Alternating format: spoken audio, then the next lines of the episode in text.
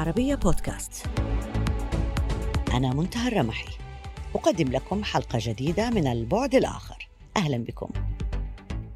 على الرغم من أجواء التفاؤل التي تفوح من محادثات فيينا النووية عن عودة إيران المحتملة إلى الاتفاق النووي بشروط معدلة إلا أن المتابع يرى أن إيران مستمرة بموازاة المفاوضات في التصعيد من خلال وكلائها في اليمن والعراق ولبنان.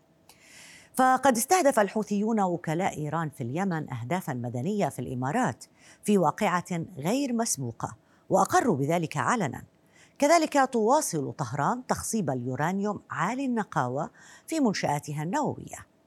صحيفة الشرق الأوسط نشرت مقال رأي بعنوان الحرب مع إيران الاحتمال الأقرب ومما جاء في المقال. إن إيران توشك أن تصبح نووية عسكريا وتضخم ترسانتها البالستية وتتمادى في تمددها الإقليمي. هذا تفكير دولة تنوي وتخطط لخوض حروب أكثر وأخطر.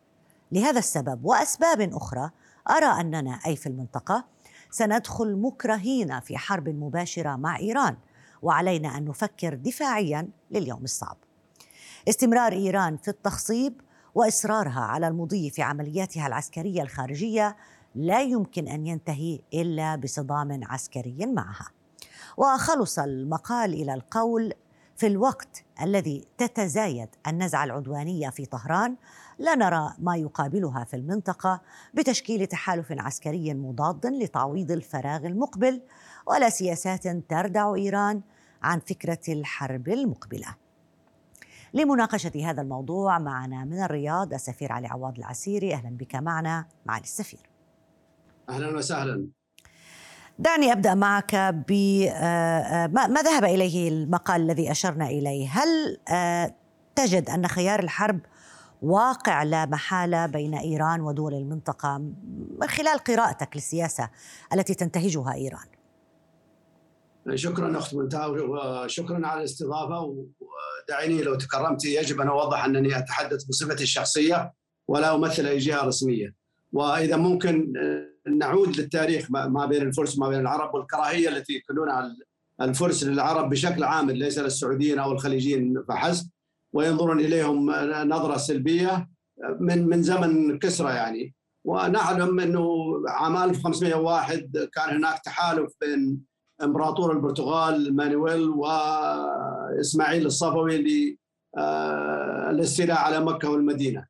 فهناك تاريخ كراهية وعداء تجاه العرب. بالنسبة لسؤالك لو تكرمتي اولا أنا شخصيا وهذا تحليلي الشخصي لا أعتقد أن تجرى إيران وأن تبدأ وتدخل في حرب مباشرة للأسباب التالية، واحد انه إيران تعمل وفق استراتيجية مكشوفة فهي تختفي وراء عملائها في المنطقة ولذلك تستبعد أن تبدأ إيران بشكل مباشر ومعلن بقواتها وأسلحتها حرب وستكتفي بدعم ادرعتها في المنطقة.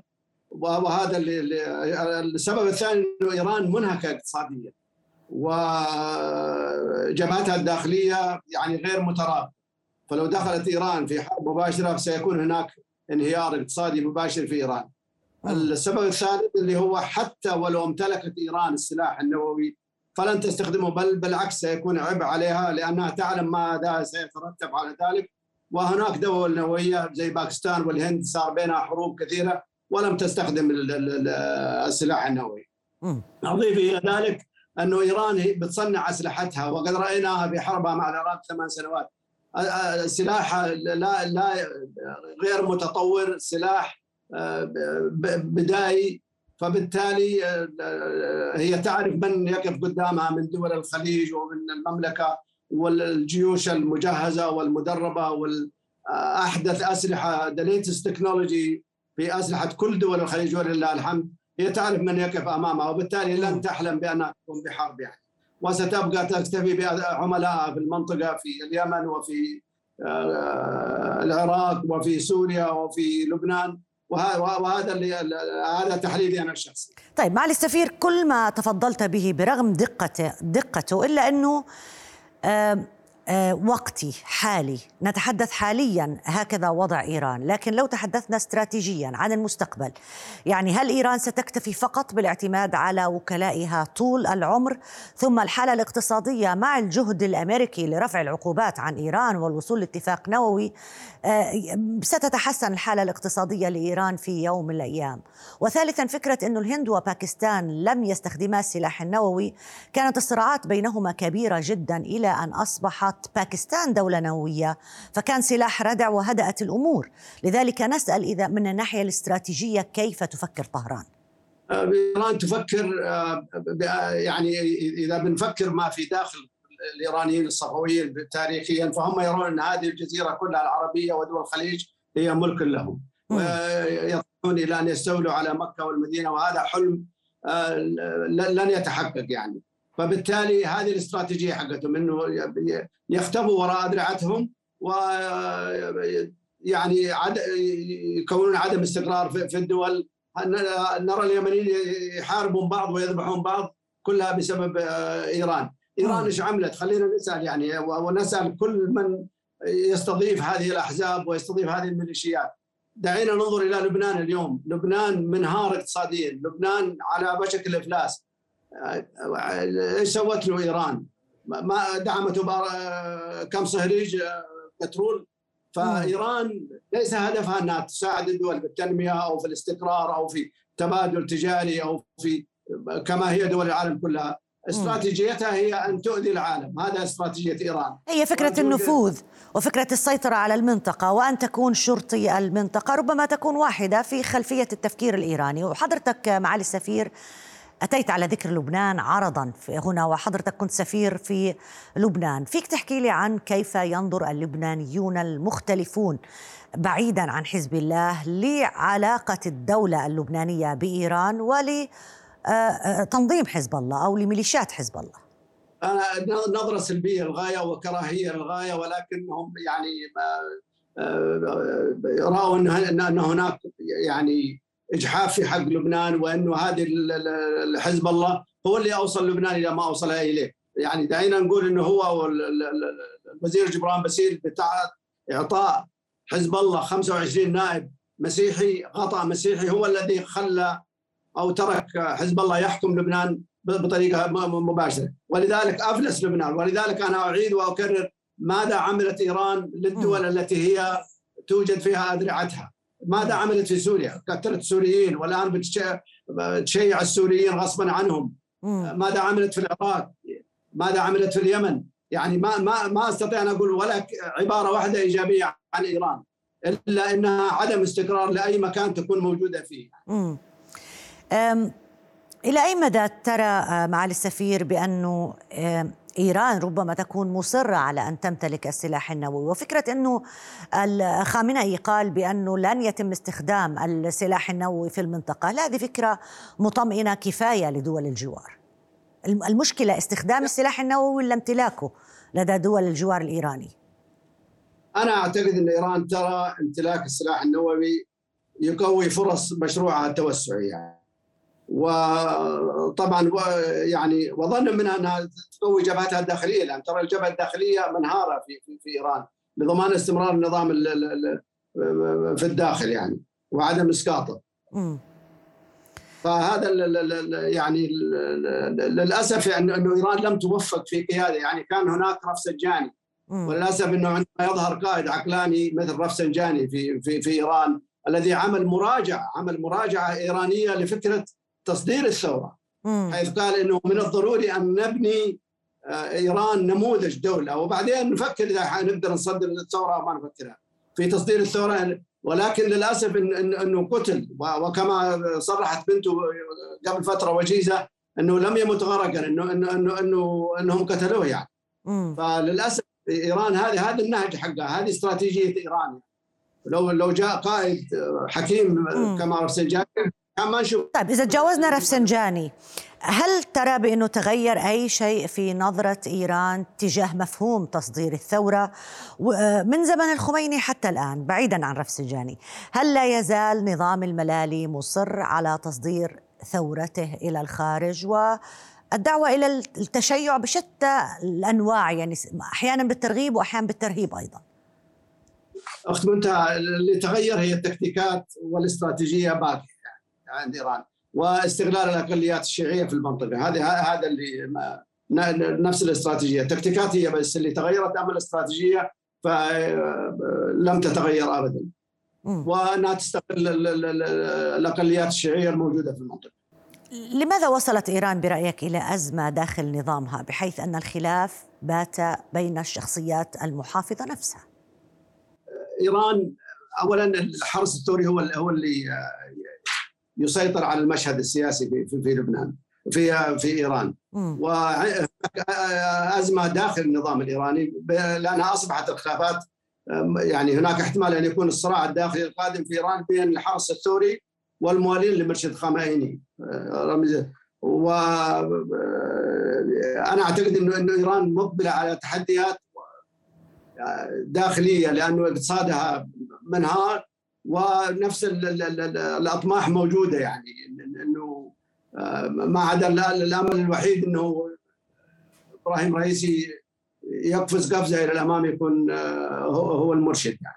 طيب ما على ذكر إبراهيم رئيسي أيضا آه، في السياسة لا يوجد أي شيء عبثي أو غير منظم غير محسوب له هل ترى بأن هناك رمزية لانتخاب إبراهيم رئيسي في هذا الوقت آه، رئيسا لإيران والله شوف إيران هناك أكثر من خيار اولا الخيار الرئيسي هو يعني أوفر حظ وهناك حديث عن عن عن ترشيح أحد أحفاد الخميني أيضا وهناك من يرى أن الحرس الثوري قد يأتي بشخصية دينية ضعيفة سياسيا و... وتشكيل مجلس آه، ثورة يعني. من الخليفة المتوقع أو المنتظر لخامنئي؟ ابنه مجتبى ولا ممكن يكون في شخصيات أخرى بحسب تقييمك بحسب قراءتك للوضع؟ تقييمي إنه اللي أوفر حظ هو الرئيس إبراهيم رئيسي. خليفة لخامنئي أو أو احد أو أحد أحفاد الخميني، هناك تفكير في إيران إنه أحد أحفاد الخميني من الشخصيات التي سيتم ترشيحها لهذا المنصب بس هل توريث السلطة أمر سهل في نظام كالنظام الإيراني؟ ما في شك أنه أي أي أي إنسان يأتي يجب أن يكون تحت إصبع أوامر الحرس الثوري. فمهما يكون الرئيس يعني لا لابد انه انه يكون متوافق وبمباركه الحرس الثوري. أه، لابد لنا أن نذكر عند الحديث عن إيران والتطورات التي حدثت مؤخرا يعني من في السنوات القليلة الماضية قضية اغتيال قاسم سليماني قائد فيلق القدس. في الحرس الثوري الإيراني، هل جاءت قضية الاغتيال هذه في مصلحة النظام خامنئي أنه يعني تخلص من شخص قوي كان ممكن انه يكون منافس أم أنه قاسم سليماني كان رجل ينفذ الأوامر في نهاية المطاف؟ والله لا أعتقد أنا ذلك لأنه قاسم سليماني آه، جندي يؤمن اولا بمبادئ الثورة ويعمل على سياسات المرشد خامئي ولم يكن لديه طموح سياسي يعني اللي عرف عنه أنه ما كان عنده طموح سياسي واللي يعتبر خطر على خميني لأنه خلفيته خلفية متواضعة وكان موظف في البلدية وثم جند ودرب وتم تسليمه مناصب آه، في الحرس الثوري إلى أن وصل إلى ما وصل إليه فبالتالي لم يكن آه، آه، وجوده تهديد للمرشد بالعكس كان يعني جندي مطيع ومخلص ومبدع وملتزم ومنفذ لمبادئ الثورة. طيب معالي السفير يعني كل ما ذكرناه عن إيران يشير إلى انه إيران على الأقل إيران نظام الملالي ليست آه، آه، قابلة للحوار وإنما تؤمن بالتسويف من أجل تحقيق الأهداف الاستراتيجية اللي حضرتك أكدت على أنه توسيع في النفوذ الإيراني في المنطقة باستخدام الوكلاء الآن وقد يتغير الوضع مستقبلا. إحنا في المنطقة ما الذي علينا أن نفعله؟ كيف علينا أن نواجه؟ هل نبقى بانتظار أن تتصرف إيران ويكون لنا رد فعل أم أننا يجب أن نحسب أمورنا أيضا بشكل استراتيجي بحيث يعني تتغير طريقة آه، آه، التفكير في التعاطي مع الملف الإيراني. المقال الذي أشرنا إليه في بداية البرنامج تحدث عن ضرورة إنشاء قوة عسكرية مستقلة تملأ الفراغ الذي يسببه أيضا خروج القوات الأمريكية من المنطقة وترك المنطقة لإيران. اولا نحمد الله في درع الخليج موجود ومدرب ومجهز بأحدث الأسلحة. الشيء الثاني إنه كل الدول الموجودة في المنطقة هي تفوق إيران في التسليح وفي العدد وفي العدة يعني. وبالتالي هي جاهزة. ما يجب علينا هو اولا عدم الثقة في إيران وتوجهاتها مهما كانت لأنها استخدمت الإرهاب فجرت في الخبر قتلت دبلوماسيين سعوديين في بانكوك وفي أماكن أخرى استخدمت كل الأساليب لتؤذي المملكة وتؤذي أيضا دول الخليج. فبالتالي عدم الثقة فيما تقوله إيران وعدم الثقة في توجهاتها واستراتيجيتها. أما دول الخليج فهي إن شاء الله بخير. ومكه والمدينة للبيت رب يحميه يعني. والحمد لله القيادات واعية بما تنوي إيران أن تعمل. وإذا قتلت في الحج وتظاهرت في الحج وحاولت يعني هو للعبادة وأتت بسلاح وأتت ب فهذا البلد يعني غريب التصرفات ولا يوثق فيه. وبالتالي يجب التعامل مع إيران بجدية وبندية وأن تعلم ان ان ان ان دول الخليج آه، ولله الحمد فيها رجالها وفيها حكامها المميزين الذين بذلوا جهد ليرقوا بشعوبهم وببلدانهم وتنميتهم إيران عادت مئة سنة إلى الوراء.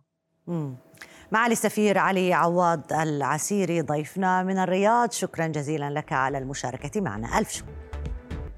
مستشار المركز المصري للفكر والدراسات الاستراتيجية الدكتور محمد مجاهد الزيات نشر مقالا في مجلة آراء حول الخليج بعنوان القدرات العسكرية الخليجية تحرم إيران من الانتصار في أي مواجهة. ومما جاء في مقاله إن النموذج الإيراني للتصنيع العسكري سواء فيما يتعلق بالصواريخ البالستيه أو القطع البحرية الصغيرة وما اكتسبته خلال هذا النموذج من خبرات تكنولوجية ليس منخفضا بصورة كبيرة. فدول الخليج ومعها مصر بما لديها من الخبرات والقدرات التكنولوجية والعسكرية والقدرات الاقتصادية يمكن أن تتجاوز القدرات الإيرانية وتفقد إيران القدرة على تغيير التوازن الاستراتيجي بأبعاده العسكرية لمستوى أعلى مما هو عليه. لمناقشة هذا الموضوع معنا من القاهرة الخبير في الشؤون العسكرية من مركز الأهرام للدراسات السياسية والاستراتيجية الدكتور أحمد العليبة أهلا بك معنا دكتور هل برأيك يمكن أن يتم تجنب الصدام العسكري بين إيران ودول المنطقة وربما دول الخليج تحديدا.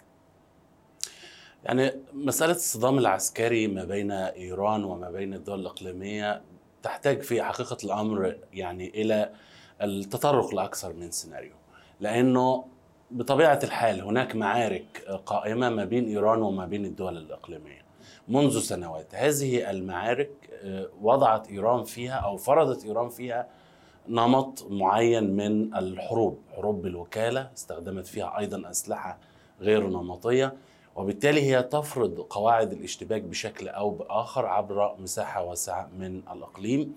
وهنا يجب أن نفرق ما بين هذا النمط من الحرب الذي يمكن أن نطلق عليه يعني اتجاه أو مسار حرب الاستنزاف وما بين الحروب التقليدية التي نعرفها في السياق الطبيعي للحروب.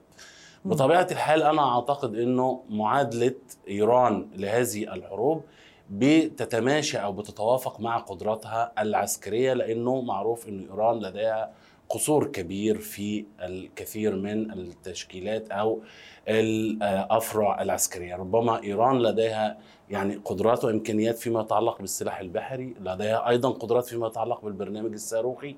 حتى إن كان عليها ملاحظات لكن في طبيعة الأمر هناك قصور فيما يتعلق بالقدرات الجوية والقدرات الأخرى المتخصصة أو المتعلقة بالجانب الميداني. مسألة الأخرى أيضا بتتعلق بعامل التشغيل الخاص ما بين التشكيلات العسكرية في داخل إيران الحرس الثوري والجيش الإيراني. وبالتالي هذا يفيد إيران في هذا النمط من المعارك. أيضا الوكلاء الذين اكتسبوا خبرات في إطار الصراعات الإقليمية التي عملت إيران على تمديد هذه الصراعات واستغلال عدم وجود يعني النواة الصلبة للكثير أو للدول التي شهدت الصراعات وهي الجيوش. استغلت هذا الأمر وعملت على أن تكون هذه الدول بشكل مستمر في حالة صراع وبلا قدرة على العودة مرة أخرى إلى بناء جيوشها بالشكل القوي.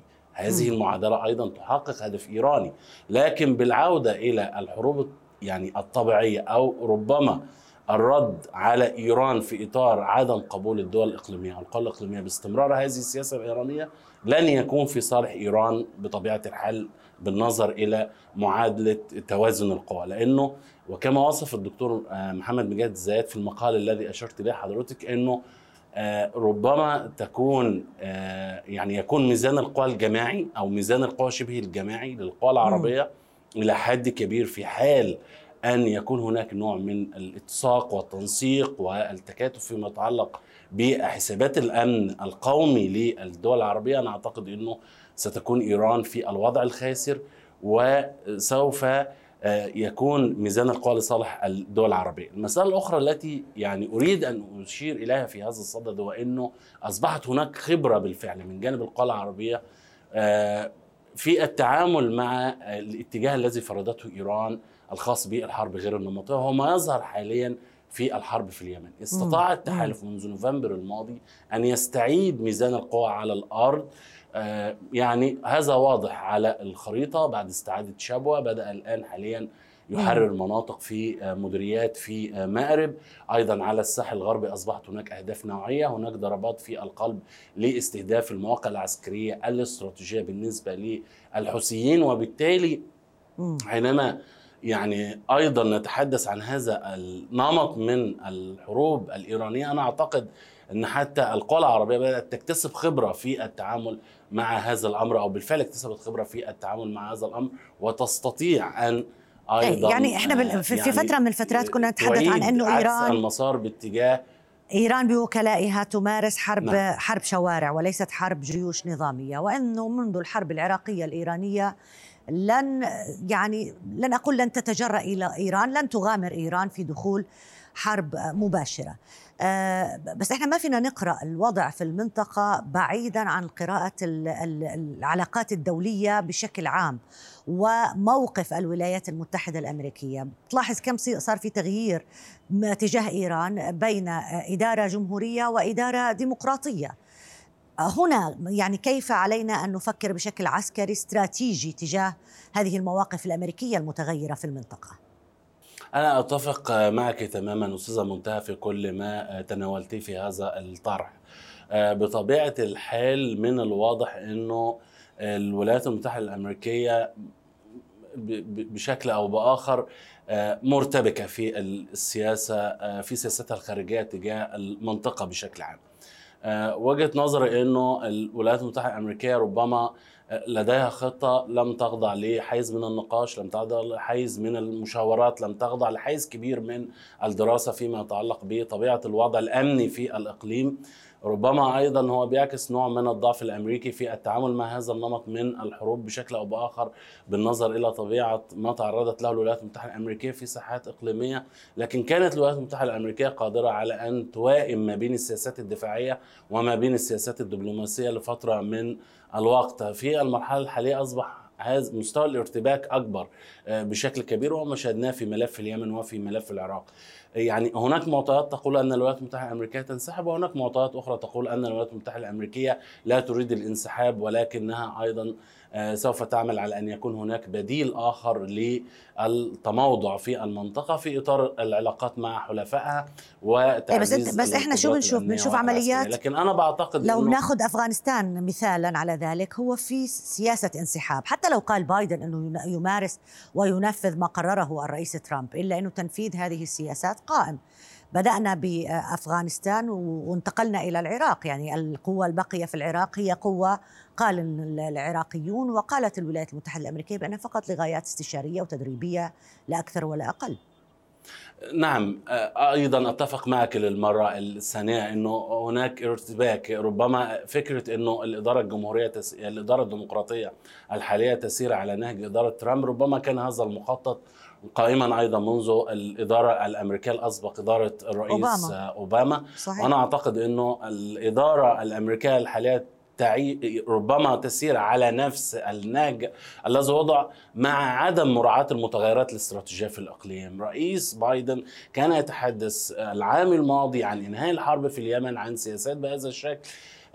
تغير المسار التصعيد والنزاعات في الشرق الأوسط إلى مسار مختلف ناحية التهدئة، الآن هو يتحدث عن أن السلام في اليمن ليس ممكنا وهناك أيضا الأصوات داخل الكونغرس الأمريكي تقول أن الميليشيا الحوثيه يجب العودة مرة أخرى إلى القرار الذي اتخذه الجمهوريين في نهاية إدارة الرئيس آه، ترامب بإدراجها مرة أخرى على اللائحة السوداء كمنظمة ارهابيه وبالتالي آه، الأمر لا يتوقف فقط على النقله ما بين الإدارة الجمهورية والإدارة الديمقراطية لكن داخل الإدارة نفسها حتى أصبح هناك ربما نوع من الارتباك في اتخاذ القرار تجاه آه، بشكل أو بآخر تجاه المنطقة أو السياسة الخارجيه الأمريكية تجاه المنطقة.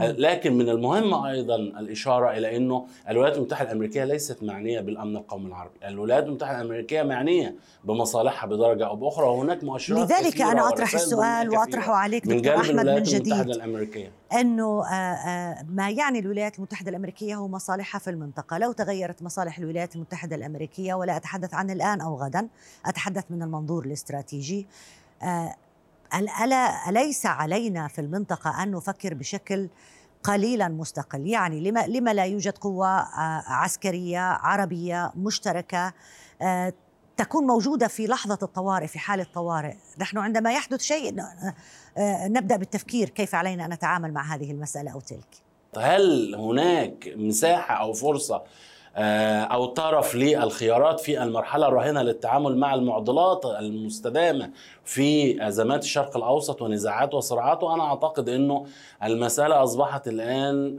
يعني صعبة جدا إلى الدرجة التي يمكن أن نقول فيها إنه ليس هناك خيار لإنه لا يكون هناك قوى عربية مشتركة، مصر طرحت هذا الطرح قبل سنوات وأعتقد إنه ربما كان هناك نوع من التقارب العربي مع هذا الأمر، ربما مساحة التباين فيما يتعلق بالإطار الهيكلي كانت معوق لظهور هذه القوى لكن ربما تعيدنا أيضا الأوضاع مرة أخرى والمؤشرات الحالية. الولايات المتحدة الأمريكية ليست بصدد يعني تحول فيما يتعلق بموقفها من الشرق الأوسط وتواجدها في الشرق الأوسط. بالفعل هي بدأت تتحدث عن تناقص الأهمية الاستراتيجية للشرق الأوسط. أتفق معك تماما دكتور يعني أحمد. أشكرك جزيل الشكر على المشاركة معنا. ضيفنا من القاهرة الخبير في الشؤون العسكرية من مركز الأهرام للدراسات السياسية والاستراتيجية دكتور أحمد العليبة. شكرا جزيلا لك على المشاركة معنا. ألف شكر. إلى هنا انتهت حلقة اليوم من البعد الآخر. يمكنكم دائما متابعتنا على مواقع التواصل الاجتماعي تويتر فيسبوك ويوتيوب. إلى اللقاء.